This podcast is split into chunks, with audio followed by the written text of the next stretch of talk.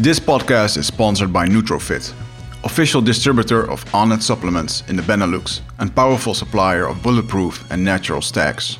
Your online place to buy supplements and training gear that will help you achieve total human optimization. Try with no risk with our Nutrofit money back guarantee, shipping all across Europe within 24 hours. Find us at www.nutrofit.com.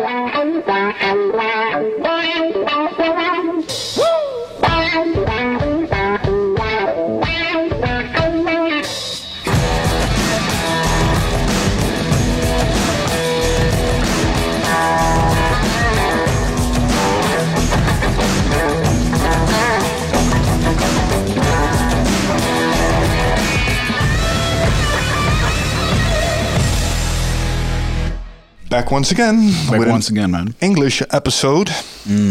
How do you like these uh, English episodes, man? I like them. We Yeah. have to broaden our audience a little bit, and you know there are so many interesting people outside of the Netherlands or that talk English. So uh, yeah, I really enjoy it. But um, today's uh, guest is special for me because um, I know I've known him for 15 years. Like he was on my radar when I was maybe longer, 20 years already, I guess. And uh, when I was strolling around on all the forums about martial arts, mixed martial arts, and then uh, this guy showed up, and you were more involved in that part. But um, it's funny to see him in real life, and I just told him like it's funny to see you evolve uh, during the years as well. So I'm really happy that you're here. And um, we got in the studio today? Well, very interesting guest. Uh, we have uh, uh, John uh, Bang Reilly in studio, and what uh, fascinates me about John is the fact that uh, he combines several of my interests in one person.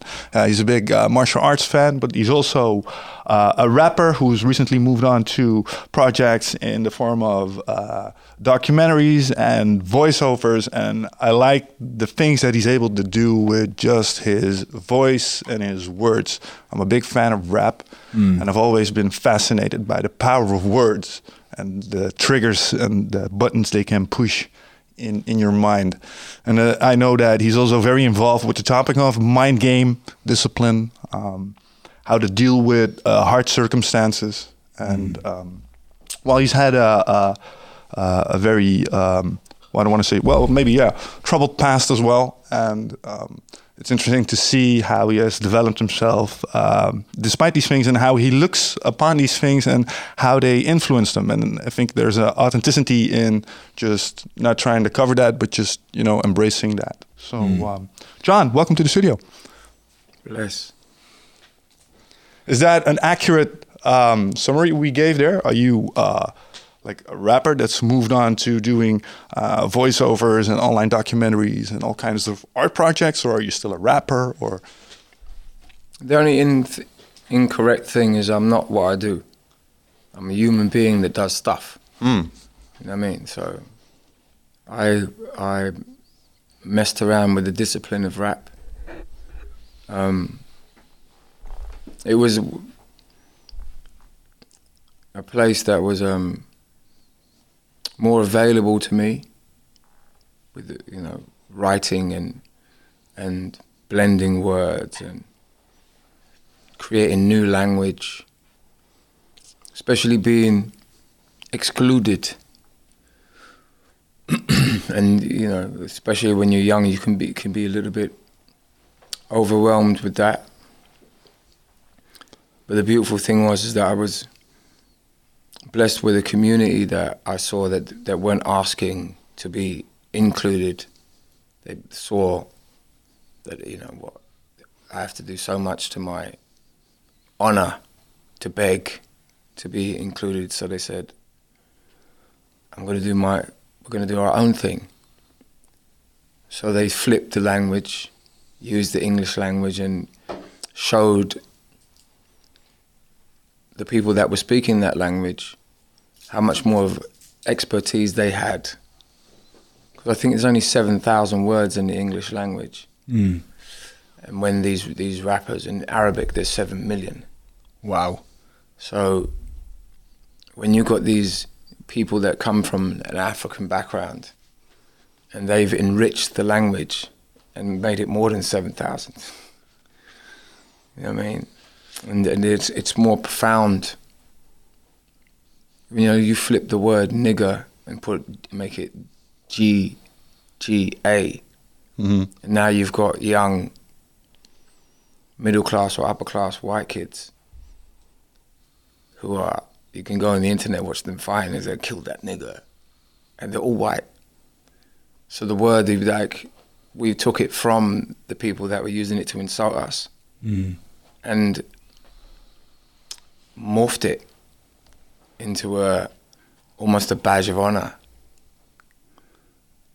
And when you understand psychology, when you know you, you have these words that are supposed to break down your self worth, and you have that genius being in receipt of that abuse, and finding in yourself something that to fight back and say no, whatever I can't find another word. These are the words that you've given us, but I'm definitely going to change its meaning and sentiment. And of course, I was attracted to that. It's very powerful, Mm. you know. And then I was just looking at the wordplay, and then cadence came into it, and then threading of words. It was like Persian carpets, you know what I mean? And then the number one thing that I noticed is that I transcended my environment. Like I remember one time sitting cross-legged in front of a window in the, the little flat that I was staying in in London, and it was daylight. And the only reason I looked up is because my bones were aching because I stayed in the same position for so long. And when I looked up, it was dark. Do you know what I mean? And I'm like, anytime somebody's tried to teach me about meditation, it hasn't come close to that. Mm.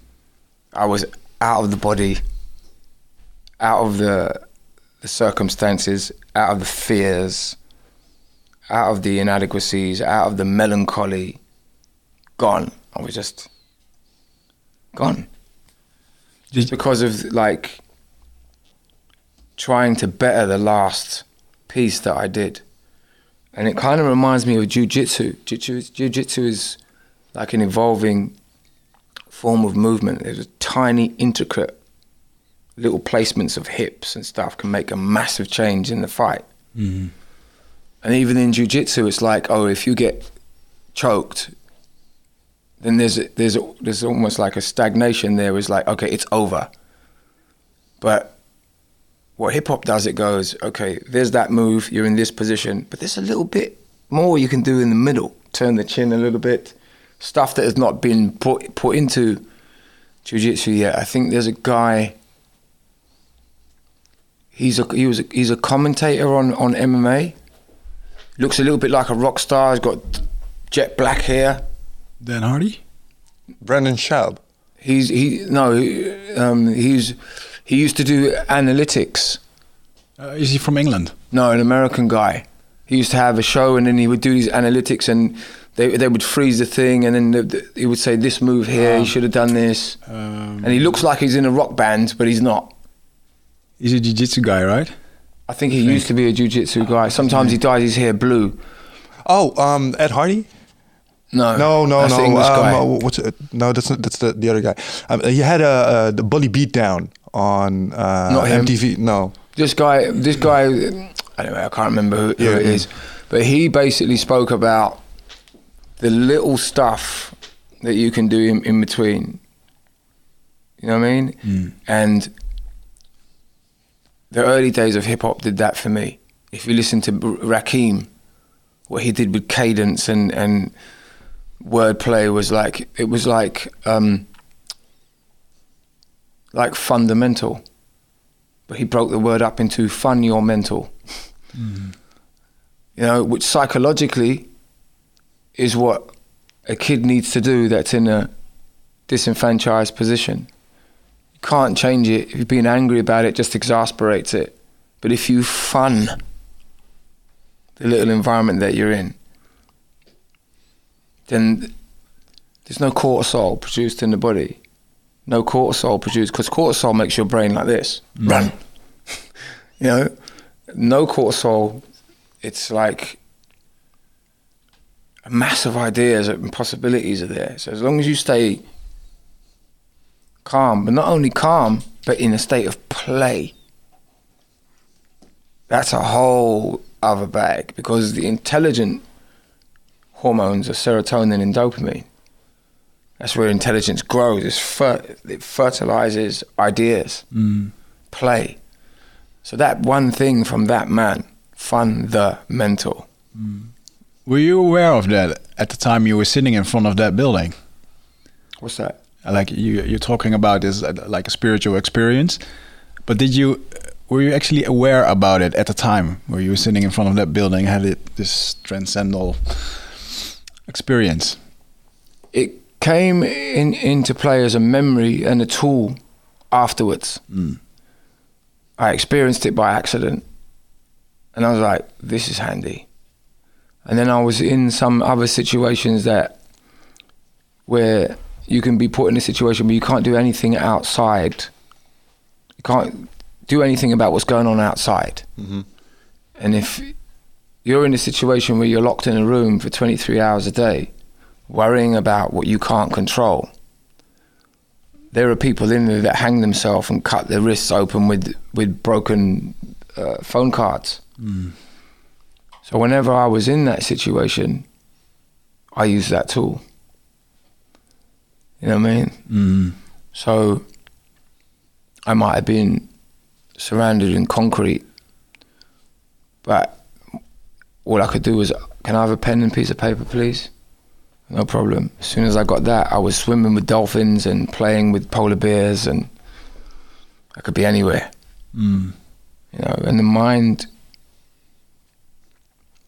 it's a projector. And you know, if you watch movies and it's, there's a horror part, your heart rate goes up. And I can become the Stanley Kubrick of my emotions. Mm. Do you know what I mean? And that coming from an environment of not having facility and all of a sudden being having this amazing facility that you can use and it comes out of it's free. I can just go, I want to do this now. Bam, it's there. So that I'm transcending at that moment, I'm like, I'm totally facilitated. And the possibilities I've invented them myself. Mm. You know how liberating that is? It doesn't matter that you stop me in my car because I'm the wrong color or I've got tattoos on my face. You have 30 minutes to make me feel that I'm not free. But I'm like, but you can't write like me. So after this 30 minutes, you're going to have to still do your nine to five. Me, I'm on Mars. You just inspired another great poem. That's a lottery ticket. That will make me earn five times as much as you next week. So Yeah. it's a magical, magical thing. And it was passed on to me by people that didn't want any money. They just sit with you, go, you can do that better, bro. These great cheerleaders that would, you know, mm. you didn't need a marketing exec or an agent to say, he's great. Your friend was going, you're the best I've ever heard, bro. And there's like this interchange of people blocking you know, this constant influx of bad publicity in the media of people that have your body type and your skin color. And your own friend is just blocking that, saying you're amazing. And with tears in his eyes and a smile on his face, and it's genuine. Yeah, of course, you become Superman, in the next piece you write is amazing. Hmm. And then all of a sudden, somebody hears it, and you get put on a stage, or a camera points at you. I wrote something yesterday that it was like kind of like I I think I had a sense of humor in it to a degree, but I was like, my ultimate goal is to get to a point where a parent says to their kid, "You remind me of Johnny," right? But not in the way that people think like, you know what, you're so bad.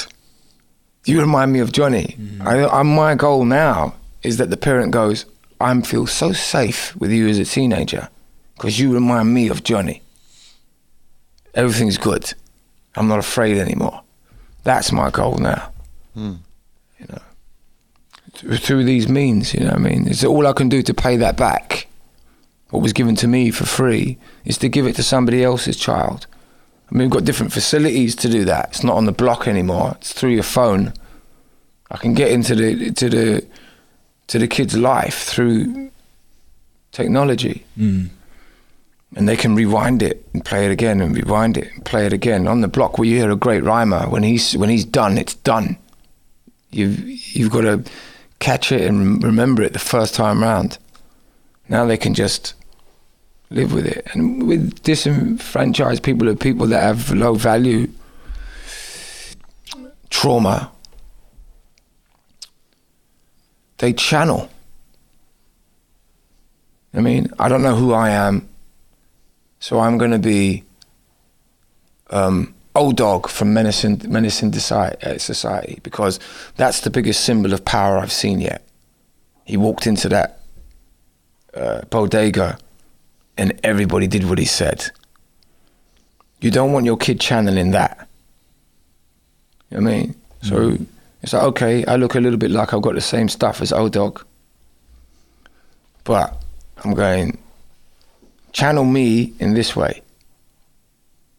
I mean, don't be a you know street fighter and pulling out guns with 30 in the clip and all of this. Learn some jujitsu. Put all these things inside your body, these this knowledge, and don't have to fight because you know you can. I think I was saying to you, uh, or you earlier on about bodybuilders. That was to you again. Yeah, we were talking kind of, about It's kind of weird that these guys, even though they're obsessed with looking like they can fight, Mm-hmm. because they can't. And the more they do it, because of the obsession to cover over the weakness of having no skills, Yeah. They make their body less and less func- functional as they go along. I enjoy the Gracie challenges where they uh, challenge bodybuilders in their school. and Yeah. Yep. Get more. Uh, It's so funny when you think about it, though. Why why is it that we associate being big and buff with being a great fighter? It makes you strong. I, I think that's the association that we have. But why, if you look at a at a big guy like a guy at the door, you first re- if he's if he's a huge dude, you go like, whoa, that's a big guy. I got to, you know. There's a, there's a certain mm. danger that emanates from a big muscular dude because you know he's strong, but rationally you might know that he's not a good fighter at all because you know we know a little bit about jiu-jitsu and the fight game and all that muscle isn't necessarily helpful, but still. It's because you know. Because when I didn't, well, when I wasn't involved in MMA or jiu-jitsu, I would look at the bouncer who was really big, and in my point of view, that guy was dangerous because big Yeah. and he was possibly a dangerous guy. But these bodybuilders, even if they don't, if they're not aware of fighting or jiu-jitsu, they never felt it, never experienced it. Um, it's just a lack of uh, of perspective. Yeah, I mean, but the, you know, the, the feeling of he gets exaggerated by your lack of knowledge. hmm It, it's Yeah, you. Yeah. it, it You know I inflates mean? him even more. So you look at that and you go into the computer, and you know, because we're males, I'm not going to blanket all males, but we've got this testosterone stuff that wants to constantly re- remind itself that it's safe. I'm safe. I'm safe. And then you've got this big thing, and it's not about his body, it's his attitude. You know what I mean? It's like mo- most most of these bouncers, they're they're supposed to make you feel that I'm here to make you feel protected while you're enjoying yourself. But it's the opposite. It's like come in here, mess around. I can't wait to crush your head. Hmm. Some of them have that vibe Weird. going. Yeah. Yeah, a lot of them, right? And especially with me, like I got banned from Jimmy Woo's and stuff like that for frightening a bouncer on the door that was twice my size, right? Because I was confident. So his his brain started going, he, he's got to have a gun. Can't be that small and that confident. It can't be can't be that he can fight me. And I was like, yeah, I can fight you. But I'm only going for one target, your testicles. That's it. What is the one thing in all fighting forms that stops a fighter, no matter how big he is, strong he is, fast he is, or talented? A kick in the balls stops the fight immediately. Mm. So of course, you're not going to be guarding your testicles. You're a big guy. Mm. All you're going to be thinking about is the script is going to go one way. You're going to crush me. And while you're thinking like that, I've already got you distracted. Your testicles are going up in your belly. So, because I had this idea, his size diminished. Uh huh. I mean, but it's when you feel threatened a little bit and you go in your computer and there's no upload about what to do, then the fear. But the fear is it's all happening to you. It's not. He's not real. It's like I imagine this, this thing is going to hit me. I see my jaw getting broken. But what if you had great head movement and you'd practiced every day? Mm. That doesn't even come up. His power now is it becomes fun. Imagine Mayweather, no matter what size you are, he's like this. Yeah. Good luck hitting me. He has a different Yeah. Yeah. There's a, you know, it's all about the individual. About my my whole thing is is that I want to master being a generalist. Because when you're a specialist, if you want him to to No, to it's fine. No, no, no. I was just uh, looking what he was doing. So no worries. yeah, we're in the middle of, of making a film at the moment, so I'm just documenting all the move movements that I'm making because this is movement. Yeah. you know, and being a person like going back to what you said in the beginning, marginalized. The whole thing about marginalization, even psychologically, is to make you feel you have no options. And that paralyzes you. You know, and your life becomes really small. Your options become really small. So the back end of that is that I'm moving and interacting and doing as many different things as possible as proof of life. Yeah. I mean, because the other place is just death, stagnation. You know, you just mm-hmm. rot. The lymphatic system doesn't even work if you sit still. You just fill up with crap. So movement is is important. Mm. Can I ask something about your uh, tattoos? Because you were um, saying something like the bodybuilders, they have this thing in their mind. They need to be, you know, tough for some reason or intimidating to fill something up. Are you saying this because you uh, experienced this yourself in your younger years? Sure. And are the tattoos in your face, for example, uh, uh, like uh, it's a similar thing, like being big and muscular and having tattoos in your face, and it Yeah, it, very appears, it appears like that. It's like that for some people. But what happened was is that I have different people are born with different will, and I watch people around me get crushed and give themselves up to being crushed, and I had I, my mother had serious mental uh, issues. So I was a child that was beaten on the. That's how she expressed herself. She would have um, emotional fallouts and, and, and beat me very badly. But what I remember about myself is is that I never ever really acknowledged the fact that um, actual uh, uh, blows. I didn't. I didn't absorb. I didn't. You know, make that an issue. My issue. I was more concerned with standing up. That was it. Bum. Stand up. Bum. Stand up. Kind of like Archie Moore.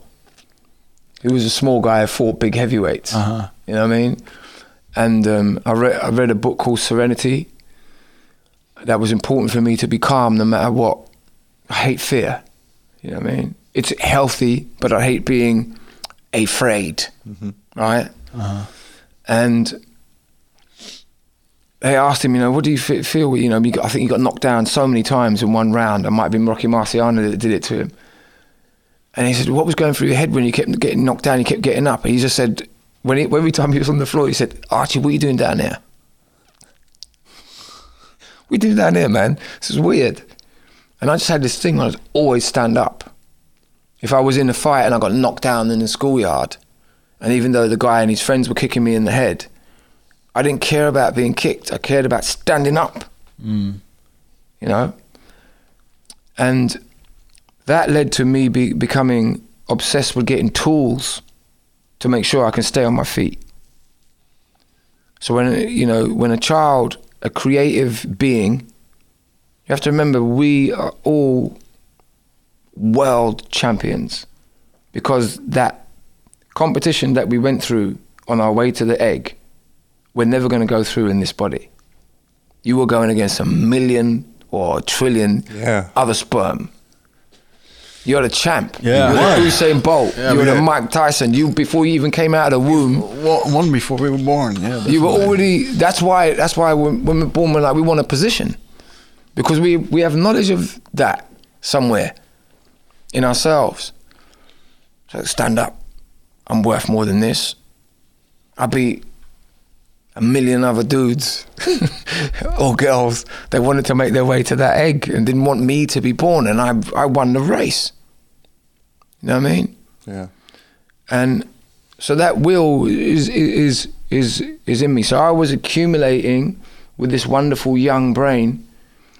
Other kids were learning to draw, learning to play, and all of that. And I was like, how do I make a weapon?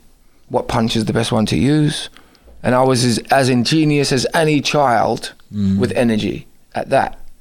So then you fast forward and you get into your 20s and you're ripping people's souls out with how fast you are. And you're looking at them with all these ideas. And I would stand still and go, okay, computer full? Is your movie playing? Watch me change this shit. Bam! And it's gone. As soon as you hit them on the chin, ideas are scrambled. The guy's left with nothing in the computer but going like this or making sounds like, please give me my life. You know what I mean? Mm. Please don't take my life. And that disturbed me because it was the goodness in me that surrounded myself with all this armory. Because I loved myself and I was a gentle child. And I didn't want that gentle child abused. So I looked around my environment that was built on brutality. And I had to do what the brutes do and become as heartless as them so they wouldn't abuse me. Mm-hmm. But all the time there was this soft. My stimulus was taking care of the, the fragile little boy that I was. And I was so fragile, I was very vicious. Because he's, I love him. You want to protect him. Yeah. hundred percent, and I was very good at it. But then when I'm hitting these actors, ninety percent of them are actors, never been in a battle situation. Hmm. They're actors, but I don't know they're actors. And where I come from, they get you on the floor, they stamp on your head. So I'm expecting the worst. 90% of the time I'm going out in my 20s, you're in a bar, guy's got a few Heineken in him or whatever, and he believes the method acting that he's in, you know what I mean? He's mm. channeling himself, he thinks he's Tyson. And most people, especially guys, they only think about this. Everybody can start the fight. Mm. Like everybody can jump into the swimming pool. How many lengths can you do? Mm-hmm. They don't think, never thought about that. Can you even swim? Right. Mm. They jump in. They think, oh, I'm going to throw this one punch. And just to make myself feel secure, I play this movie in my head that he's going to go and fall over. They throw the punch, they miss, and then they get hit with a five piece, and there's no more ideas left. And then I'm thinking, my world, you're going to pull a knife now. Hmm. So now I I have got to put you into another state of unconsciousness. Elbows are coming, thumbs are getting pushed in the eye because I'm worried about you getting on top of me. And then this little boy looks back that goes, I've never had a fight before in my life and I really want to go home to my mum. Hmm. Fighting a guy that's living with a, a- with with a mother with severe mental issues and graduated from the home into children's homes with other children that are on heavy medication because they're dangerous from similar backgrounds. Mm-hmm. And I'm smashing the shit out of this civilian thinking he's just the same. And all he is is an actor. So the little boy, the goodness in me, I hated that. I used to feel sorry for them. But I had to finish the job. Do you know what I mm. mean? I'm listening. So then I got to a point, long story short, mm. I said, How do I avoid this situation? I put up a beware of the dog sign so then I don't have to victimize you. So this wasn't to be the big guy, this was just to save you uh-huh. from what you don't know about. So I'm just kind of, let me try and make myself at the point where I looked at myself and I went, Would I mess with this guy? No, job done. so that's what It's the like, tattoos are for. it's like the predator with the skin that scares off, right? yeah. Yeah, I don't want it. I don't. I don't want it. And the nice thing about it now, some people are in, still intimidated by this, but I have older people going to me, "Moi tatuage." Yeah. You know what I mean? Like old ladies, it goes beautiful because my energy is different. Yeah. Yeah, that makes a lot of it. I'm listening to you talk about this, and um, the way you talk about these altercations that you had, and the look you get in your eyes. It's it's almost uh, possible to imagine that there's a you even enjoyed it at some point. It, it seems like um, glorification of violence. No, I No. enjoy, I enjoy I enjoyed surviving. Yeah, I get that. But uh, what I, what I'm thinking when I'm when I'm uh, looking at that and that thought process goes on is that this guy probably comes from situations that I, as a well privileged white kid, um, have no idea of. I I have no no point of reference to understand uh, the stuff that you went through. Like I hear you say a few elements. For example, um, where I'm where I come from, if you're underground, they keep stomping your head. I've never been in a situation Sure. like that, fortunately. So, um, just to make sure we, we understand where this, this comes from, c- could you illustrate a little bit about your background and growing up in London and how absolutely savage that can be? Because for, for our average listener, they're not from the hood, they have no idea. I'm not from the hood either. No, but you know what I mean? From a, a, a troubled background with violence and, and street fights and tugs, and I even heard you talk about knives. So, yeah. Most of my situation happened with upper class and middle class white kids. Hmm. Not in the hood. I was born in the 60s, 64. No blacks, no Irish, no dogs. That's what, that's what was on the, the houses, the buildings. My mother happened to sleep with a Jamaican man. If she added a dog to that, it would have been really serious. It was bad enough. Do you know what I mean? Yeah? Yeah. So you're a blonde haired, blue eyed woman just comes into the country and she has a mixed race child.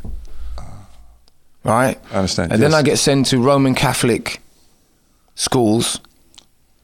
Yeah. Where you have, I'm going to say something that people are going to find disgusting, but um, it comes from my stepfather, who is my mom's husband that she cheated on. And he brought me to see his mother. And when he said he said when his mother opened the door,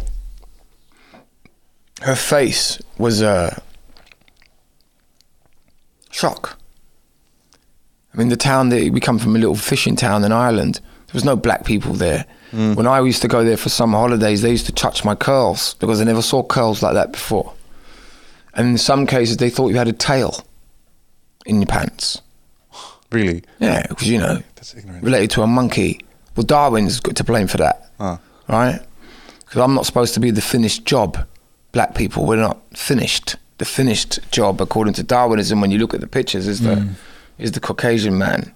You know, you have the. Have you ever seen the illustration from Darwin? Yeah, you yes. the Yeah, monkey yeah, yeah, sitting yeah. in the tree, mm. and they come out the tree, then it's like ape-like, uh-huh. and then it stands up, and then the finished product is the white guy walking off at the at the uh-huh. end.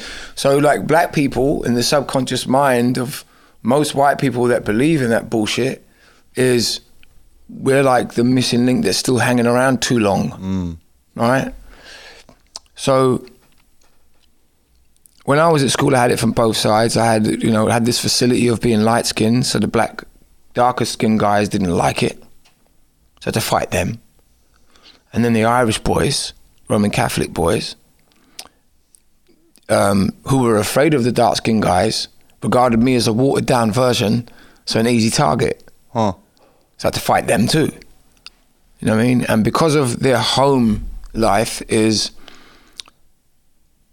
the brutal mind state of the British Empire is if it doesn't have value, you shit on it. You don't just leave it alone. You shit on it. Mm-hmm. You look for things that don't have value. You look for things that are weak, and you colonize it instead of nurturing it. I mean, look what they do with their own poor. If you've got a society that's supposed to be great, you've got all of this machinery and all of this money, and there's like a little town over there with about 100 people in it that can't eat properly, and that machinery can't put food in their belly. It's not about you're rich that makes your society look great. It's how you look after your vulnerable. Mm-hmm. And your machinery can't take care of your old. You're still putting them in old people's homes. That's backward. Somebody's blind, you give them a dog. What's that? Somebody's blind, you give them a dog to look after them. We're supposed to be progressive. Uh-huh. You know, most people can't even get in a shop to buy their food if they're in a wheelchair because you haven't structured the door properly. So people feel their disabilities in this environment. So then these kids in their brain is like that doesn't have any value. So of course you're going to stamp on my head. Is that common in, in England then, or is that uh, particular to It's London? Because now. it, it, it sounds very rough. When we were uh, growing up, I don't know if, if we differed that much in age, or um, but where I was growing up, uh, these kinds of fights weren't very How old are you? 38. If you grow up in the 60s or in the 80s, it's different. Different. Definitely, man. I'm 53, years. man. All right, yeah.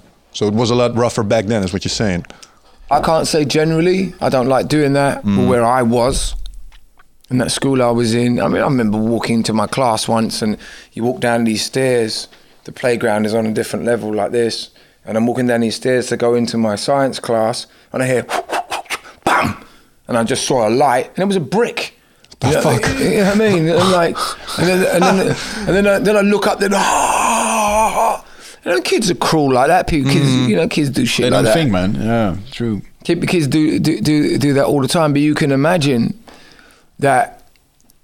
You know, I think I was about eight or seven years old, and my sister, older sister, came to me, and she said that uh, she found a newspaper clipping, and she goes, "You know, you're not my brother." And I was like, "What?" She goes, well, "Look," and in this newspaper clipping, it says that my mother, mother's child, was kidnapped, and they found me in a park and brought me back to my mother at 14 days old. And my mother went, That's not mine. So they put me in another room and then went, "It's a- hmm, Here's a possibility. There's a black woman out there that hates her own child so much that she wanted a white one and stole this woman's white baby and left her own baby in the park. Right? That's what the newspaper wrote. Yeah. So, and it was a manhunt. It was on the front page of, of the Sun newspaper, which was called the Herald at the time, I think. And I was on the front page with the Beatles, right? And and uh, I was left in this room next to my mother after being really ill because you put 14. You know, I'm born in March, so 14 days in that weather, and they only find me in a diaper, and I was bruised and hurt. You know what I mean? And then my mother goes, No, it's not mine. So my problem wasn't really the thing that happened to me. It was learning at that age that somebody didn't want me. And then you go to, and then and then your mother beats you every day, drowns you, puts pillars over your face, and then you go to school and you get bricks in the head. And then th- th- this is a profound moment you know, when one guy went around the school playground, and I didn't know everybody. I was only young. It was different classes. Mm-hmm. You know, your people in your own class. He's like, "Hey, I've got this idea. Spit in this cup till we fill it up, and let's put it on his head." And you imagine these people don't know me, and they look just look at your frame, and they go, "Yeah, I'm in." Because as soon as that ended up on my head, you make that analysis. How did you? Why did you even agree? What is it about me that makes that agreeable? Mm-hmm. So now I'm on. Every day I'm going. what is it? So then I used to channel stuff. I remember I used to walk around in my bedroom on all fours because I didn't want to just to be something else. Do you know what I mean? And mm. behave like a monkey sometimes, and climb just to be out of this body. Mm-hmm. Yeah, Just to cope. Yeah, I would change my accent. I would, sometimes I'd walk like this with my feet out. Sometimes I'd walk with them in, and then I'm like, I'm changing character all the time. Shoulders back, shoulders over, mm. all the time, all the time. Just being, just trying to be another character other than Johnny. Mm. You know what I mean? And um, so getting back to the story about my stepdad, and he's he, and you know, it doesn't stop. You know, you get these stories about yourself, and then you make an analysis about you know how do I play in the middle of this, and then you're now in your in, in your thirties or early forties, and your stepdad, you have you know because they, they they basically said also that they made a blood test and he is my father, which is a lie. So we had a DNA test later on, and he's not, right? And then my mum comes clean and goes, yeah, it was the engineer, which means he's more educated than my stepfather, who calls everybody a nigger, and says that his own grandchildren who are mixed race should be gassed at birth. This racist, right? who loved me for some reason. Said I was a wonderful kid to be around. Very confusing environment to be uh, in. I know can what I mean? imagine. Yeah. Yeah. Those are some mixed signals. Yeah. So, but then he's saying to me, "We're in a park," and he goes, "You know what happened? I had to go and see my mum and take you." And in the in the Roman Catholic school, like I was saying, how the how the mind state is made. Imagine being a white kid, and your only interpretation of black people is you come on a Friday to give a penny to the charity box for the poor black kids. Hmm. So even even me, I'm thinking, black kids are always hungry. They're always poor. They're always in need of charity. Mm-hmm. Now you've got all these white kids in that programming. Of course, when we get in the playground, that's going to play out. Hmm. I'm constantly providing for you, you useless thing. You're related to those useless people that we give pennies to. So what my stepfather says when his mother looked at him weird, he said, Mum, I know that I had to give a penny every Friday to the poor people in Africa, but I didn't think I was buying one. Ugh. That's supposed to be a sense of humour. Then you got my grandmother going, eeny, meeny, miny, mo. This is a nursery rhyme. They're supposed to soothe children. That's why you do nursery rhymes. Eeny, meeny, miny, mo. Catch a nigger by his toe. If he screams, let him go. Eeny, meeny, miny, mo. And she's pulling my toe while she's saying that. Didn't know at the time that I was related to those people that they call niggers. So that subconscious song became a really big horror story for me when I became in my teenage years, when I really knew what that meant. So you can imagine trying to put myself together and being like this the whole time. Mm-hmm. Because you just get to a point where you go, I'm not taking on any more of this. No. You know what I mean? I don't sleep like other kids because I've got issues. I should be sleeping to develop my brain and my body, the pituitary gland healing me. So I was a very sick kid as well. Mm. I mean, then the mother has poverty that compounds the fact that we're lower than everybody else because we get everything out of dented cans that she would get cheap from a friend that worked in a in a canning factory for food. So everything I ate was out of a bloody can. You know what I mean? So my acne as a teenager made it even worse. You know, you can imagine the poison and the additives and then the plastic that's inside that, those cans of polluted body. Uh-huh. But now, if I look at all of that, an orchid grew out of all that mud. Who's a poet, a movement specialist. So in actual fact, where it should have decayed me mm-hmm. is actually my power source. I don't focus on everything that happened to me. I'm doing it now to explain to you because you asked me the question. Mm-hmm. But I focus on that little guy that still loved his mother, that still was very quick to make friends with the same guy that switched on me when other kids were around mm-hmm. to distance himself. So no, that low value person is not my friend. you know what I mean? I was like, man, yesterday we were hanging out and we were talking about our lives. Now all of a sudden these guys walk in the room and you're kicking me, Yeah. you know? And then the next day nobody was around. He wanted to be my friend again. And I was like, cool, no problem. I like that guy, that forgiving child. You know what I mean? Who kept trying to stand up, who drew pictures for people. You know what I mean? And do you want something from nothing? Give me a pen. How's that make you feel? Good. So yeah, so it's a power. It's a real uh, power source now. You know what I mean? Yeah. And the fact that I got all these tattoos for a good reason, to spare you, Mr. Actor, some reality. broken, broken jaw and a concussion. Yeah, I think that um, that clarifies the bit about you know that obsession with um, well apparently being able to defend yourself. yeah. and Never enjoyed it, man. no. No, never ever enjoyed it. Never enjoyed it. Although when I when I see you talk about the the art of fighting, there's a certain spark. That goes on. Movement. Yeah, The we, we movement, talk about yeah, yeah, sparring or yeah, yeah. kickboxing like we just did. And There's a certain enthusiasm there. That's definitely Yeah. something that the blows I don't like. yeah, I can imagine. You know, I like surviving them. Goes back to that. I like surviving them. But um, if I'm if I'm kicking somebody, I'm only doing it as a tool to prepare you if you've ever been put in this situation.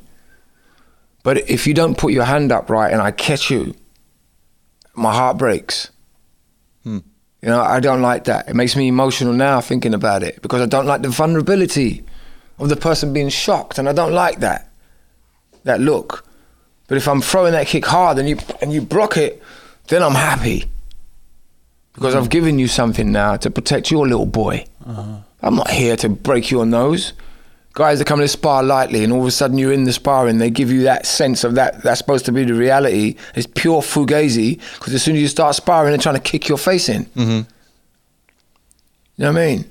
And then I'm like, okay, cool. You want to go there? We can go there. Yeah. But I never go to the point where I'm going to go, I'm going to punish you for this. I don't ever want to be like the people that abuse me. Then you failed. You really got that voice locked down because there have been moments in sparring where you've been where, where it goes to like you know you've got this this way of sparring where it's just relaxed and all of a sudden uh, one hit gets through. You look at each other, you know, we're gonna amp it up a notch now, and You know, I always laugh and go, wicked, nice one. Yeah, but but there's this there's that moment where you know, all right, we're gonna go like you know, it's gonna be more intense now. And there have been moments where I got hurt by someone and I got him back. There was that sense of satisfaction where it's like, yeah, good move. I got past past his defenses. I got a hit in. He's a little bit intimidated right now, so the advantage is moving to me, and that feels good. No, but that's not There- there's nothing like that. No, you're, you're fighting. Well, yeah. Yeah, yeah, that's fighting. I'm sparring. So what's the difference in uh, in- Because you're, you're, you're doing a teamwork to make, to make each other stronger. I'm not here to impose my will on you. but there's this improvement game in your own technique where you have to be like if your level is mastery you, you can allow yourself to be just concerned with your opponent Yeah, but don't let my emotions come in where I'm trying to use use the, the situation for my inadequacies and I got you back. That never app- applies. I'm fine. I, I, I can't lie man there's sometimes where I feel a little bit of oh yeah that was good I, Sure. I got him You're That's emotionally nice. involved. Uh, yeah invested definitely I want to win No, I'm here. I'm here to, to, to do metal sharpens metal. You know, and if you if you get me, then I'm like, thank you for letting me have this concern that I need to concentrate on because what I know about me is that's not going to happen again. Right. But thank you. How intense do you spar by the way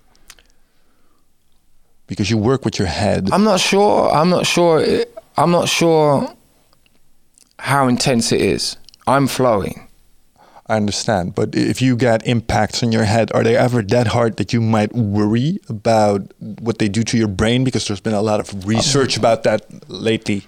And do you uh, aspire at, at an intensity that that might be an issue? No. Yeah. it's more about eyesight. I'm worried about because I was I was in America and I have these floaters and sometimes they're so bad they go right across my pupil and I go blind for a second. Oh. What's Right. floater? What's it like? Is it like a medical condition? I thought uh, um, I thought it was like bits of protein floating around in your in your eye, and sometimes they get in the way. Yeah. You know, like on a sunny day, if you just look out a window, all of a sudden there's these things that just bits of thread and stuff, right? Yeah. And um, I went to go and see an eye guy in in, um, in Philadelphia, and uh, I said, you know, I've got these things, and then he looked behind my eye, and he says, well, you have two things. He says, first of all, you're born with um, was it genitive, genitative, where you where you got a genital problem, um, uh, uh, genetic uh, uh, problem. And he says you've got cataracts on the inner lens. Usually, some people have a this skin on the outside. He said yours is on the inner lens, and it's like having a trying to w- clean a window with a dirty cloth. And the more you try and clean it, is the more muddy it gets. He says, and it's just get it's getting worse and worse as you get older. He said later on we can cut your eye open, flap it, and clean it, and then put a uh, false lens in and all that. I'm like, what? No way, you know, because they do that shit when you're when you're awake. So I said, I've got these floater things, you know, in my eye. I said, I think it's bits of protein. And he went, let me have a look. So then he was he was looking, and he said to me, do you fight?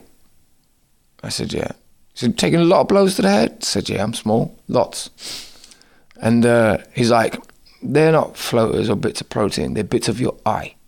Holy shit. And he explained to me that you focused all the muscles in your eye on the person you're fighting. And imagine you get hit hard, the eye muscles are f- facing that way, and your head goes. But the eyes have got left behind, so obviously tears happen, ah, right? because the head's been jolted so quickly or uppercut, but your eyes are still, the muscles are still focused this way. People don't think about that. You're tearing your eyes up. So he said that basically your retinas are just hanging on, and if you get hit hard again, you're going to end up like that Yeah. Damn. you know. And then I realized why a lot of great fighters, especially bangers, when you see them later on, they're all wearing glasses. Yeah. You know what I mean? hmm So it was an eyesight thing for me, as I'm not interested in headshots anymore.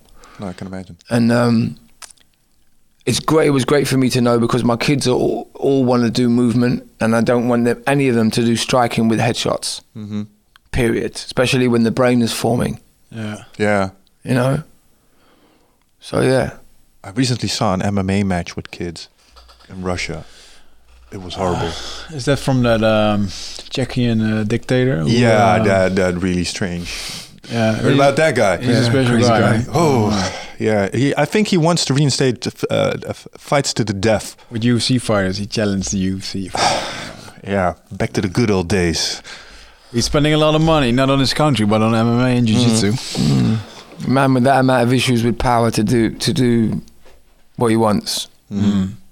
And it's very scary. Yeah, but if I had that amount of power, this might not be the thing on the top of my list to Sure. manifest.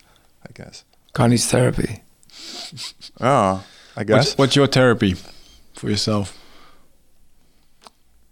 Trying to make mortality is now my concern because I'm on the back end of my life, which is one of the greatest things that ever happened to me. Being young and think you're going to live forever is when you're really stupid. yeah. You do I can some attest to that, yeah. stupid shit because you just think, you know, the power bar. I've got so much Uh, to abuse and waste. that's like till eight years old? What do you mean? Uh, to what to what uh, age is that, you think, in general? To what age do Oh, we even think in your twenties, you're still doing Oh. stupid shit. Yeah, we were talking to a neuroscientist uh, lately, and he explained to us that uh, until 25, you're uh, you're not that smart, you know. Yeah, you You're don't still- you don't think about consequence. You haven't lived enough to go that equals that. Hey man, there's a reason that insurance companies charge you more for a car insurance when you're younger. Absolutely. Yeah, So now I'm at that point where the testosterone is lower, so I can focus more. The amount of distraction and time wasted with chasing girls, you know what I mean, and not having not even control of your mind, where that just becomes uh, an obsession, and you go off left, right. Mm. So now the testosterone's lower, so I can calm down. That must be Yeah, nice. Yeah, it's cool. like it's like it's like being getting out of jail. You know what I mean? Yeah. You're in control your life. Like a fog is lifted. Yeah, hormones are just you know you just got these hormones that that were like change you up and pushing you in certain directions. Yeah. You know, and you think you're free, but you weren't. So that's gone. Not gone, but you know, it's a lot slower. And um, the mortality thing, knowing that no matter how much you're, you think you're important, when you die, you're going to f- fly out of people's brains within six months. Mm-hmm. They're going to even forget you were on the planet. Mm. And the gen, two couple of generations from now, you're not even a thought. Yeah, it's just a story, man. Everything is just a story. even that story will fade because it's just dependent upon people who will keep wanting to, keep wanting to talk it. Do, do you really think that's true when you look at, uh, for example, uh, stuff like YouTube? We talked about some of your music before. You said you removed one of the songs uh, I like that you did that I was uh, listening to when I was training, and I was like, yeah, I removed that from YouTube. But had you uh, allowed it to stay online and like everything you made and like you die, that remains. Like th- these Yeah, podcasts. know that. That's true. I'm but, dead. But if your worry is that you will be forgotten, No, I'm not worried about being forgotten. I was just saying, just putting in context. ah, Yeah, that because that happens, now I'm into quality life. Because that's the only. While I've got life, and I know that I'm going to be nothing. Right. You can talk about faith that there's going to be something after that, but I'm just talk from my reality. Mm. We can get philosophical, but I know that when I go to sleep, I may dream and whatever, but life as I know it changes. So while I'm alive right now, especially when I was just dealing with so many issues, I wasn't feeling and tasting and smelling like everybody else. I was trying to be as small as possible sometimes to avoid situations.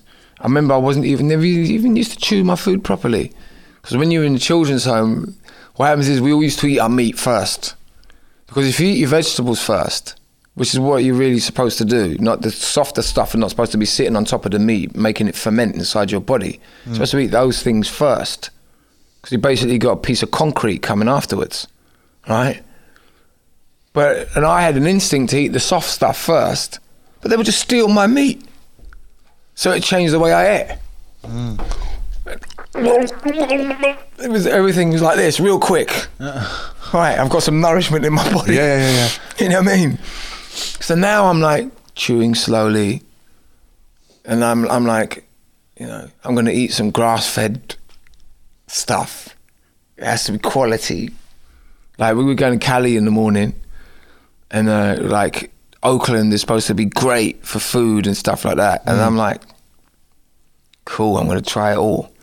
Now my whole thing is like I said, a guy called Action Bronson, who's a a rapper that used to be a chef, and he goes like to Paris, and he goes to these places that has gets the, sources their meat from a, a, a great place and uses this bread and whatever. And I'm like, I'm going to Paris, and I'm going to go and eat in exactly the same place and eat exactly the same food.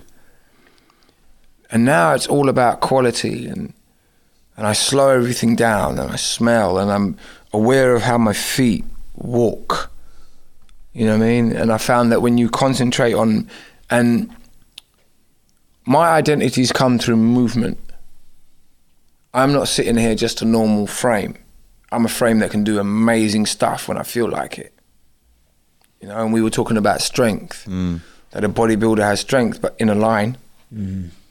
But dislocate the shoulder and it stays dislocated. Real strength, what I learned from Ido Portal, is being able to dislocate and put it back and nothing happens. Mm-hmm. That's strength. Nothing breaks. You go do jitsu, you get an armbar, and, the, and it can go right back, and it doesn't go, and then the guy thinks it doesn't work, and he changes his position. You pull your arm out mm. and still stand up and strike, and it, nothing happened to it. Mm-hmm. That is strength.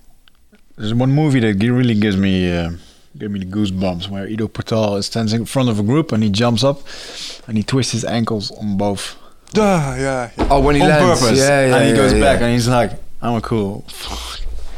Yeah. Yeah. I, it was amazing that you know as well as all the opportunities I'm getting in my life is crazy because I wanted to to make this film, and then I just get I don't I don't reach out. People just approach me like the, like the London Real thing. They approach me. I said, "How did you find me?" They said, "We asked our viewers who they want to interview next, and you came up." Mm. This is a a, a a podcast or whatever you call it in another country Yeah. you know that i'm not even you know my popularity was in holland you know and it was like their thing is global how did that happen and then i'm there then Edu Port and then i discover Ido Portal then i start copying his moves just off of youtube and i've you know i used to dance when i was younger so if you show me a movement i just have this um, physical iq I know, I know, I just know how the placement's supposed to go and how to shift my weight. And I was doing all these movements just off of the screen. And then he messages me on Facebook and says, "I'm, you know, I really admire your work." I'm like, "What?" Out of nothing? Out of nothing. Mm. And what happened was, is there was the filmer from Conor McGregor who saw my work and then played it to Ido Portal because he was working with Conor McGregor, and then Ido Portal hit me. You know what I mean? Small and world. then then London Real tells me that they've made a movie about Ido Portal and they're doing a premiere. And then I hit I- Ido Portal and says, "You're going to be at the premiere." He went, "Yeah." I said, "Can I can I film with you?" He said, "Yeah, cool. I got two hours on this day." I said, "Cool." Got on an airplane, went there, met him, like two brothers. We were like this. The next day, I'm doing lizard walks on the floor with Ido Portal, and he's never trained me, and we're identical. Identical. Hmm. You know? And then he's sitting with me, and I'm like, I maybe want to cry. And I'm like, is this right? He goes, is it right for you? I'm like, yeah. He goes, and then it's right. You know, and he says things like, you know, because I teach movement, people expect me to sit like this. He goes, and I sit like this because that's how I want to sit. And he's so much more freeing with his his thing. And I learnt the generalist idea from him. Mm-hmm. He said because the specialist has to be shit at everything else in order to be a specialist at that one thing. Mm-hmm. So you're missing out on life. So I'm like, I'm going to be a generalist and have a piece of this, like a bee, you know? Mm-hmm. And then end up with this bee pollen that's an amalgamation of so many medicines. Do you know what I mean? So, yeah, now I'm just indulging in, in, in everything, and my whole objective is to absorb so much more of life because I, I was pushing life away because I thought it was cruel, you know? And I'm aware I'm going to die, and it makes everything so much more amplified. Water, to, I can taste different quality water, man. Literally, like like, like a wine taster, like matcha tea. I go, that's not good. That's a good one. Yeah, you were refusing uh, tap water here in the Netherlands. Yeah, Why is that? Because we have good water, right? In worldwide allegedly. opinion. Allegedly. Yeah, Allegedly, but I, I I got a distiller, a water distiller. I have distiller. one back home as well. Yeah. Right. And I use the Dutch tap water. And when you distill it and you look inside the distiller, there's a substance left behind that's the same color as coffee. Now, if I distill my water about three times, I'll have a shot glass full of this brown, sweet smelling stuff that gets left behind in a distiller. Mm. Do you want to drink it? Yeah, you got a point there. I don't have the distiller that actually does that. I have a water filter, like Filter is c- different ceramic to filter, and um, Yeah. it gets spun by some com- magn- magnetic thing, uh, all kind of stuff. Yeah. Uh, tastes better. So um, I think A distiller is a little bit different. I like th- the thing about a distiller because trying to take impurities out of water, there's room for error. But to take water out of impurities is 100%. Mm. Because that's how the sun works. Yeah. Mm. You know what I mean? That's how a distiller works. It evaporates the water and everything heavy is left behind. So we essentially are essentially drinking each other's urine every day. yeah, people don't understand. Because all of the minerals and whatever that's in your urine, Yeah. they stay on the earth. And the pure water evaporates to the clouds and then gets recycled. yeah. So when I look in the distiller, it's brown stuff mm-hmm. Left behind in the thing. That's Dutch water. And if I fill that shot glass up, it will look the color muddy coffee. That's what it looks like. Drink that and see if you don't end up in a hospital that evening. Hmm. And effectively, if you drink three distillers full of water without being distilled, mm-hmm. that I put in the distiller, you've drank that yeah. amount of that brown stuff that's sitting around in your cells disturbing your mood, your potential. Because your nervous system is going to go, your engine is not that good, so that's not for you. So you, oh, you, like you look at a possibility that needs a certain amount of energy, and you just go, not for me, not for me, because you're the reference. Mm-hmm. But if it's vibrant, you go, I'll do that, I'll do that, I'll do that, I'll do that. I'm always wondering with stuff like this, when you talk about the distilling of your water, when you were back, when you were running on, your ancestors were running around in nature, they drank water from like, you know, uh, sources like rivers and uh, beavers pissed in it and, uh, you know, uh, an elk shit i- into the water a couple of Yeah, but it up. distills itself. Yeah. so, yeah, but, but there must be, there must have been uh, stuff And in I'll that you- water as well. yeah, that but your they don't body drink it needs- here. They drink it here. Yeah.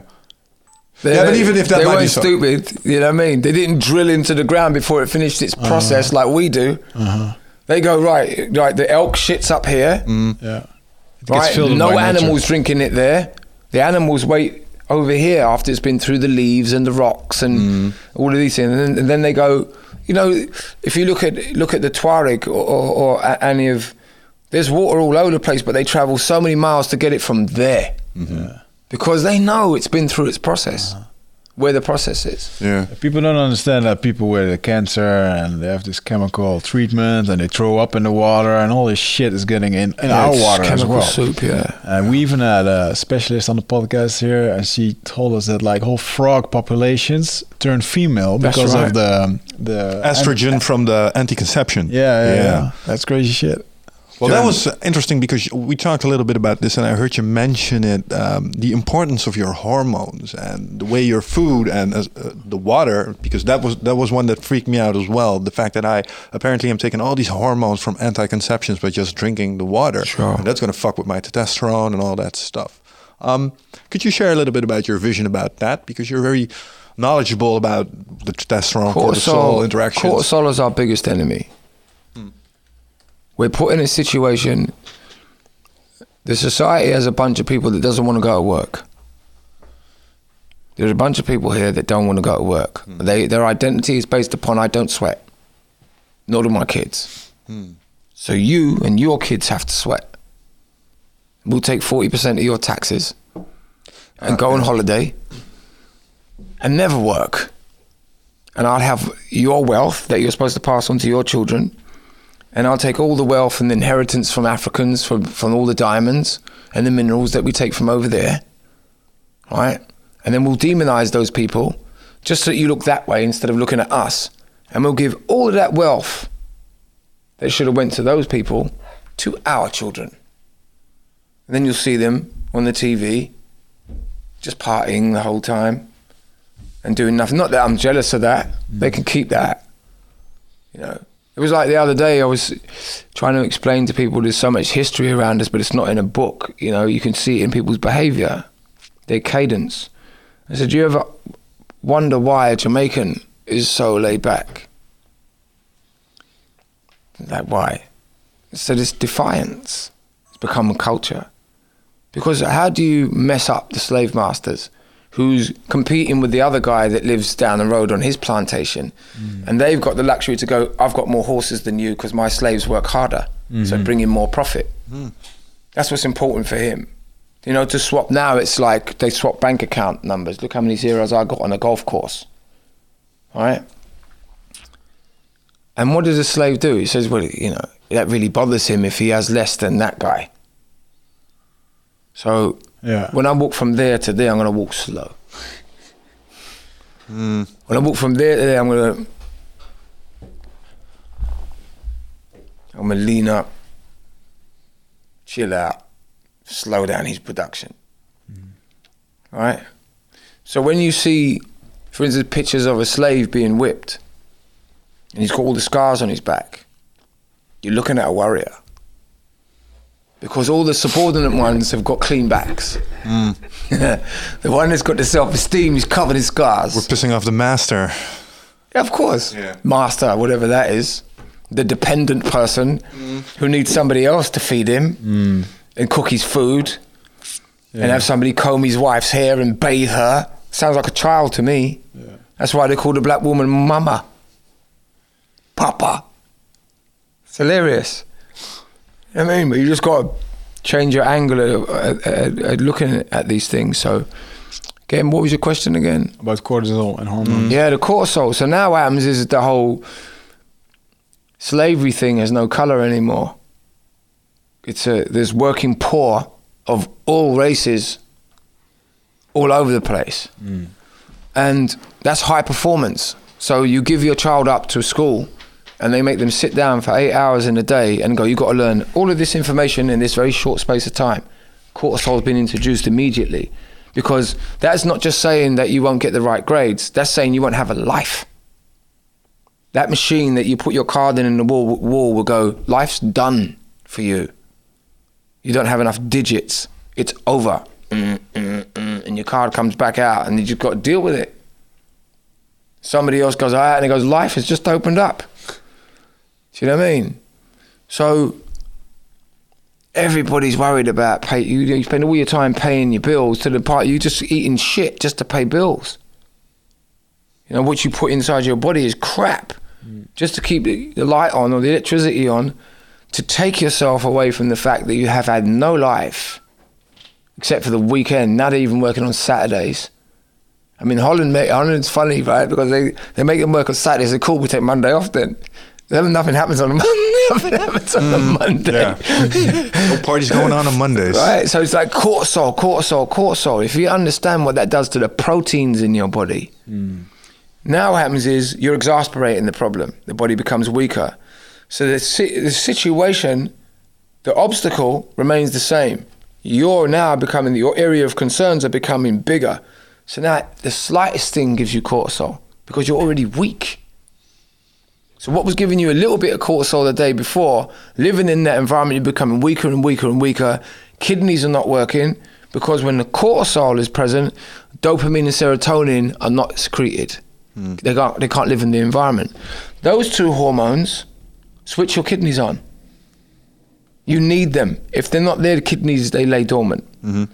Because serotonin and dopamine say that there's no tiger around and there's plenty of food. That's why they're present and the kids are there. So those chemicals get released when you're sitting around the fire playing with the kids because you've done all the hunting. Now we're going to start cleaning him up because he's not moving, he doesn't need blood. We can because the lymphatic system's so massive, it needs all of that blood. So if we're going to deprive him of eating if we if we clean him, if we become lymphatic while he's chasing the deer. So let's turn that off right now and have make him pure adrenaline, pure cortisol. We wake up in a cortisol state, ready to perform. Mm. You know what I mean? But to stay in that state all the time, you're not setting off the sewage system. So it's great to have the kitchen, liver, mm. cooking all the blood. Great. But the kitchen will get shut down if you don't take care of its hygiene. All the food's polluted. Kidneys are important. Mm-hmm. Adrenaline sits, adrenaline gland sits right on top of the kidneys like an afro. Mm-hmm. Right here, fine line between love and hate. This one needs serotonin and dopamine. This one reacts because of cortisol. The unfortunate thing is that this one is popping off the whole time. So it, the adrenal glands get shot. Mm. Now you've got no power. Now you've got coffee, bam, bam, bam, stimulants, Red Bull, cigarettes, alcohol, sugar, um, just to survive and pay those bills. Then you need to watch that TV to get over the fact that you're a slave. Live vicariously through some guy that's behaving like he's free on the TV. Or a video game where you're going, yeah, Grand Theft Auto, I'm a winner, I'm a winner. Uh, and you're obsessed. I need to, I need to be first. That says something about your life. So, my whole thing is, how do we deal with the that cortisol state? Live in the now. So when I'm walking along, I have the same issues as everybody else, but I'm thinking about the bills. I'm thinking about how my feet move in my shoes. And what that does, you say, yeah, but if you don't think about your bills and all you're thinking about how your feet move in your shoes, how are you going to take care of your bills? Because if I walk around thinking about my feet all day, I am ready to take care of my bills because I haven't been worried. Mm-hmm. I'm now, I'm pumped. I'm distilled. I'm ready. I'm primed to take care of my issues. Worrying about them become lower. Like the issue becomes bigger. The concern becomes bigger. Area of influence diminishes. You know what I mean? So every time you move, the cortisol is secreted even more because you're becoming smaller and the problem's becoming bigger. And it's just exasperated. You know what I mean? Messes the microbes in your stomach, creates candida, and then you've got the bed for cancer. You know what I mean? And then you want to reverse all of that stuff. And if you think knowing that you've got cancer is going to make less cortisol, you've just hyped it up even more. So as soon as the doctor says to you you've got cancer, Yeah. Mm. yeah. You're That's killer. dead. That's killer. Yeah. I get that. Can you talk a little bit more about that candida, what you talked about? Because uh, absorption is a big factor in health, and this is linked to that. Absorption. Well, the, the candida, what is it exactly, and, and how does it affect your It's a, health? fu- it's a fungus that messes up. Basically, once it lives off sugar, mm. it lets go chemical. It controls you. So it says, "Now, you're my host. You're my slave. I want sugar. I don't want to give you any sugar." And then it psh, releases a chemical that attacks your brain, makes you feel all anxious, and then you take sugar, and then it rewards you by calming down. Now you're a slave. That's you a- get you get the message now. wow. right? And now and then and then what happens is if we try to kill it, then it dies. You start killing it, but like all bodies, it decomposes, mm-hmm. and those gases are let off, and those poisons are let off, and now you get this thing called die off. I've had it for like four days, couldn't move my eye, eyeballs left or right. I had a headache from Yeah. hell. Yeah, you can get headaches. And some people quit during that process, but on the fourth day, you you're free. Hmm. It's over, but you can never put that sugar back in your body again. Some of them are so smart, right? That if you've got parasites in your body as well, and then you start doing like you, could, you might take bicarbonate of soda, which is an em- enemy to these things. Or What what is that exactly? bicarbonate of soda is like baking powder. Yeah. It's got a Oh. mineral All right, all right. Right? If you if you grow kefir, which is like a probiotic, mm-hmm. if you give it bicarbonate of soda, they pump up like they're on steroids. They're living organisms. Ah. Mm-hmm. And you know what's interesting about kefir? Mm-hmm. If you take the tap water and try and clean them with the tap water, they'll die. so what do you think is happening to your microbes every time you drink in this water? Mm. And your microbes are you. They're your mood. Yeah, that's If a big they're one. yeah, you're that's happy, a big man. one. That's interesting, man. They're you know they're your DNA, right? So basically, um, where's my train of thought gone? Uh, went into the candida. Yeah, I was asking what, what exactly Right. is So this if they candida? die, if Yeah. they if they die off, right, then then you get you get this this die die off uh, period. But like if you've got parasites and they know that you're trying to dose them, do you know what they do? They run into the belly of the parasite to hide. Because your ah. dosage is not trying to kill the parasite. Hmm. So they'll go into the belly of the parasite, okay? And then when you stop dosing, they'll come back out and reinfect you. So That's what some people do, they put bicarbonate soda in honey mm-hmm. because the parasite also likes sugar. So when the parasite start, starts eating the eating the eating the honey, the bicarbonate soda goes in his belly and kills them boys too. That's a very Has that, disturbing has idea, that been man. researched? Is that like a proper thing? Like, or is I've, it just? I've read about it, and I've, then I've seen it in my children because every full moon, like all fish, mm. they're born in a particular place, then they become young and they go away, mm. and then they'll come back to the place where they was most comfortable, like a bird. If you bring up a pigeon and, they, it, and you register in its brain, this is the place where I grew, I was fed well, you cleaned me every day, you can take that pigeon to France and it will come home Yeah. Because that's its place of comfort. magnetic compass. Right. So the same with uh, uh, parasites.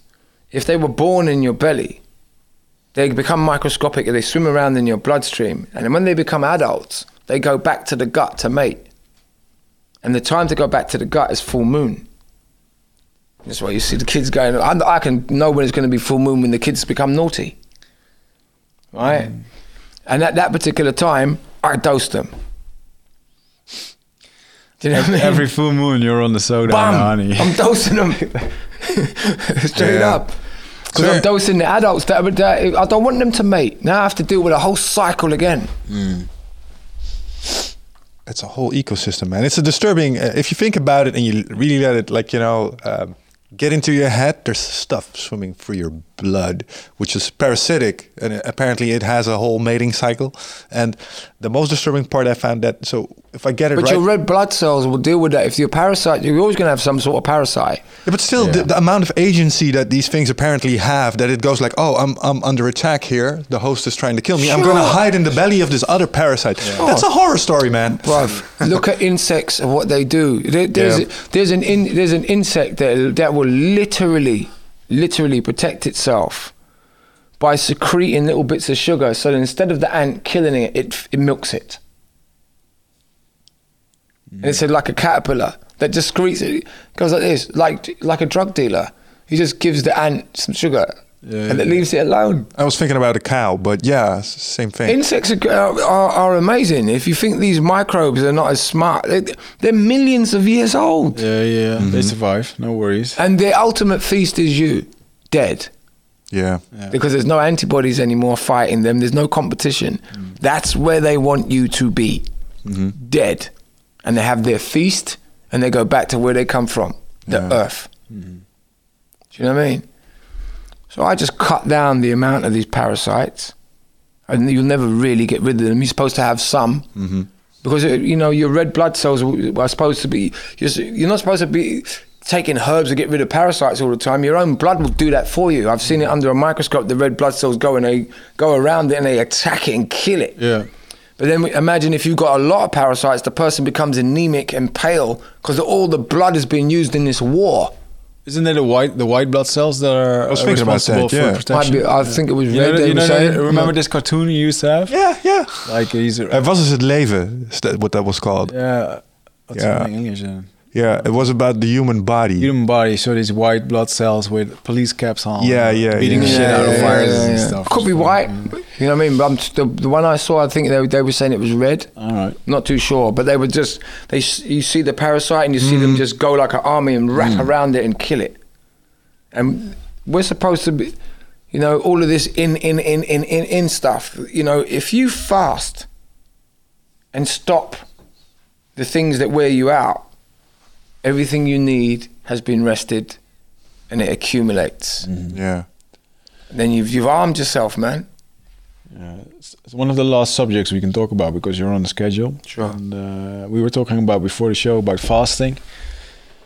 I was doing cool with my eight-hour fast window, and then uh, you, you, you, you destroyed my vision about it. And none, none of this bullshit intermittent fasting you were saying. that was my sentence, Explain yeah. that. Well, th- what they do, they say that when you're sleeping, you're fasting. You're eating when you're sleeping. Because now what happens is, is you're digesting. Because what we really eat is the amino acids, is the blood quality, the stuff that's sitting in your stomach. That's not eating. You've just put it in the bank. Mm-hmm. Now it's being processed, Yeah. and really, what you're eating is the blood. During the night, you're not moving. So, how are you eating the blood? You start eating the blood in the morning. So, you haven't actually fasted during the night. You start fasting, the process of eating the foods that's in mm-hmm. the molecular stuff that's in the blood. You only start using that up and eating that up when you start moving. And then what you done, you just missed breakfast. You fasted for three hours, man. But if you don't eat the whole day, and when the sun goes down, you just have a couple of sips of water or seven dates, and then carry on and go to sleep. Whole different bag. I just come off a fast. You shouldn't do this because it can pull you over into cortisol mm-hmm. and your lymphatic system doesn't work, becomes becomes sludgy, because once you don't have stuff moving through your body, then everything become it kind of kind of stagnates. But I just come off a fast of 66 hours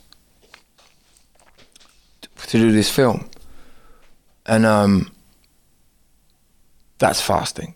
And the good thing about it is sometimes people fast and you have to understand that you stop the process as soon as you're sipping on water or drinking a coffee. Mm-hmm. You're not fasting. And if you drink coffee on a fast, you're really messing with your any. You, you're destroying your adrenal glands. Mm. Any of these type of stimulants, especially mm. in this environment, you need to stay away from stimulants. Adaptogens, whole other bag, brilliant. I mean, because that blocks the cortisol. Mm-hmm. So the energy is not coming from outwardly. Outwardly, it's stopping the stuff that saps your energy, and your natural energy is just allowed to do its thing. Adaptogens. Yeah. So if you, um, but so 60, 66 hours fasting, you don't do it on a weekly base, right? So what's your fasting schedule and a normal? My fast, my, I live the fast of David, which is I only eat every two days. So I eat one day, don't eat the next. Eat the next day, don't eat the next. you work, and- you work out and on days you don't. Uh, I'm stronger because there's no digestion. Digestion, all the blood in your body goes around your gut to just digest food. and you don't drink water either. Nothing. But your body, but you see, once it, one, see, my body's like this. You sure? Yeah, I'll kill you. I'm, I'm not joking. My will is so powerful. If you don't listen to me, you die. Okay, I'm not going to get involved in this argument. what do you want me to do? Well, when I drink today, you need to store my water more than the average human being. So my cells are far more lubricated because they know I'm not going to eat the next day. Mm-hmm. Yeah. So it's like For instance, a friend of mine taught me, a guy called Bruce Leader, um, who was a little, very small guy like this, who used to beat guys on steroids, natural bodybuilder. Don't know why anybody hasn't spoken about this guy. And he said that if I, I can take more minerals than anybody else from rice, because I'll mono diet the rice and deprive my body. And usually, what the rice will do is, what the body will do is say, I've got minerals from everybody else, everywhere else. So I'll just take the carbs from the rice. Mm-hmm. But the rice comes from the earth, so it has minerals in it. Mm-hmm. Not the rice we're eating today, but you know, mm-hmm. good rice. Yeah. Right? And so what he'll do, he'll say, when I eat that rice, because I'm on a mono diet, I take more minerals from it than the average person. So when I eat food, because I'm fasting the next day, I absorb far more nutrients from my food mm-hmm. than the average person is constantly dosing their body.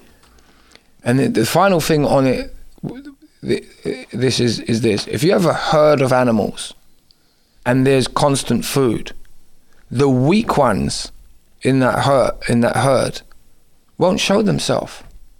Everybody's eating. But if the food becomes scarce, the weak ones start to show up. Mm. The ones that will hold the herd back. Because now there's a shortage of food, the predators become a little bit more present. And the weak ones are going, you know, they can smell the weak ones, and now you're bringing a lot of the, the wrong attention to the to the group. Hmm. My objective is to play the same game with my cells. There are cells from my childhood that were ruined when I was beaten. And because I've constantly eaten since a child, that melancholy is sitting around in my body. But if I starve the body, the first ones that are going to get attacked are the weak ones. So as I'm fasting every day, I'm getting rid of the days I was beaten. Mm-hmm. So that's probably why you say I've evolved, because I've been practicing this for a while. So every time I spent this 66 hours I did, I've probably killed the beating I got when I was three. That was trapped there all this time, mm-hmm. And now my good cells have gone. There's nothing to eat. I'm eating you. Gone. That bad day at school, gone. The cell's called a cell for a reason. It traps days, emotions, what you've eaten, Yeah. how you were feeling. In the protoplasm of that is trapped a diary. But every seven years, your whole body regenerates, right? I think every 40 days you can get a new eyeball. Yeah. Ah, yeah, man. That's If it's shorter than that, thought it was seven years. Yeah, I it thought it was seven on- years as well. it depends on whi- which organ. Some organs take longer to, to, to turn What was over. our kidney? I was thinking about kidney. Or Yeah, yeah, no, yeah. but I think Liver- it's right. Uh, what I was yeah. thinking about though is that it might have something to do. We, we talked to this neurosurgeon um, the other day called Dick Swaab, and he told us about uh, epigenetics, which is basically very stressful events uh, influencing your uh, DNA or capping at least Absolutely. little uh, keyholes on your DNA, and you carry that. And, and major trauma, especially stressful trauma, does that to your body. So there might be, you know, something to that. Yeah. How do you feel after a sixty-day fast? 66. 66 day fast. Well, I learned a lot because I because I fasted before making weight, and if you haven't lived a good lifestyle, that will show up hmm. as you're fasting. It- you just have issues, you know. You're weak, and all of this. But I've lived a good lifestyle for so long and it's so well.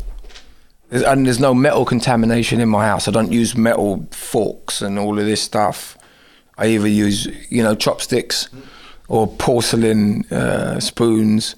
The only pan that I have is made of iron. So if that leaches into the food, if I've got an iron deficiency, I get some iron.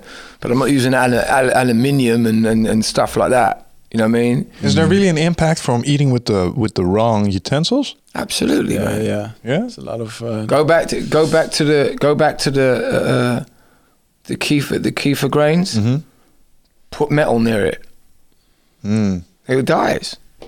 It's a probiotic. Yeah, yeah, yeah. There you that you- you're made up of those things. mm, It will They'll kill die. it off. Yeah. You'll kill them off, and that's why you'll end up with candida like this, and all your good ones gone.